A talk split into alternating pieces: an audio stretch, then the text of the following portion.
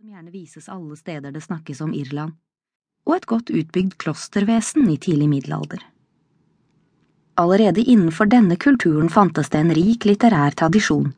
Irsk er det språket nord for Alpene som har det eldste bevarte skriftmaterialet. Kulturen overlevde Romerrikets fall, for mens vandaler og andre barbarer raste inn over Romerrikets grenser, fikk Irland ligge i fred. Da senere herskere på kontinentet ønsket å gjenoppbygge kultur og sivilisasjon, var det derfor til Irland de vendte seg. Irske munker ble bedt om å slå seg ned i mange riker rundt om i Europa. Det kan derfor være noe i påstanden om at Irland reddet den vestlige sivilisasjonen. Middelalderske mesterverk som Book of Kells kan fortsatt beundres i Dublins berømte universitet, Trinity College, som ligger midt i byen. Irske historikere snakker om The Light of Kells når de omtaler denne perioden. Bevisstheten om Irlands betydning for europeisk kultur preger fremdeles mentaliteten og gir en slags følelse av noe opprinnelig og ekte. I motsetning til britene vil irene gjerne høre til Europa, de var blant de aller første som innførte euro. Flere av de keltiske hovedveiene krysset hverandre ved et vadested over elva Liffey. Navnet på dette stedet, Askliath, vadestedet ved Strykene, er fortsatt det offisielle galliske, altså irsk-keltiske, navnet på Dublin. Byens eldste pub, The Brazen Head, anno 1198, ligger like ved det gamle vadestedets sørside, og Irlands apostel, St. Patrick, passerte naturligvis her da han kristnet Irland på 400-tallet. Ifølge legendene finnes det knapt det sted i Irland som ikke St. Patrick en gang skal ha besøkt.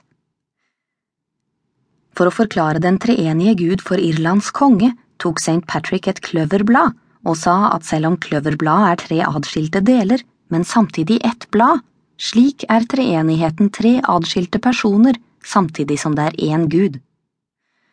Kongen ble overbevist og lot seg døpe. Kløverbladet, The Shamrock, er dermed blitt Irlands nasjonalsymbol. Dagen St. Patrick tente bålet, 17. mars, også kjent som St. Patrick's Day, er blitt Irlands nasjonaldag.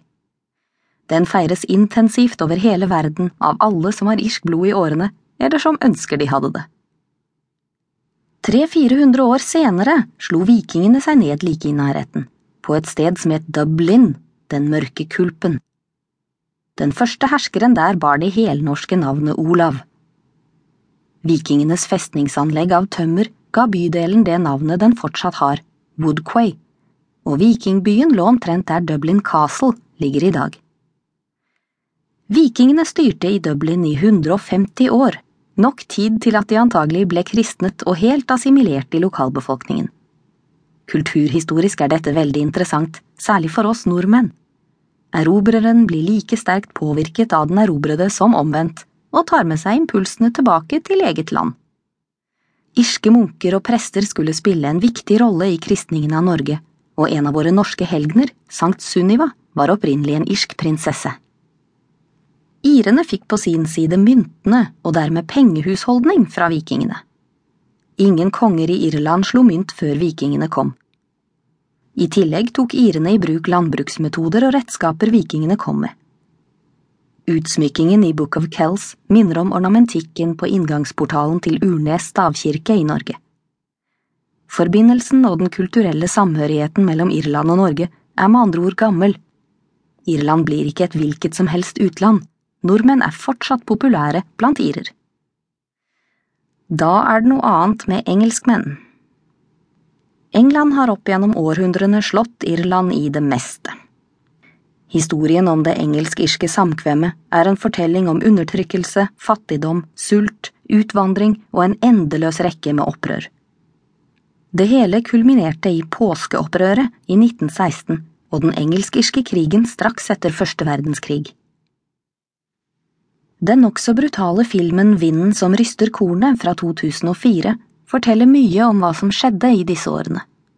I filmens åpningsscene blir en irsk gutt slått i hjel av engelske soldater fordi han uttaler navnet sitt på den irske og ikke den engelske måten. I virkeligheten begynte engelske soldater uten varsel å skyte rett inn i publikum på en fotballkamp i Dublin i november 1920. Irene svarte med å snikmyrde politi, soldater og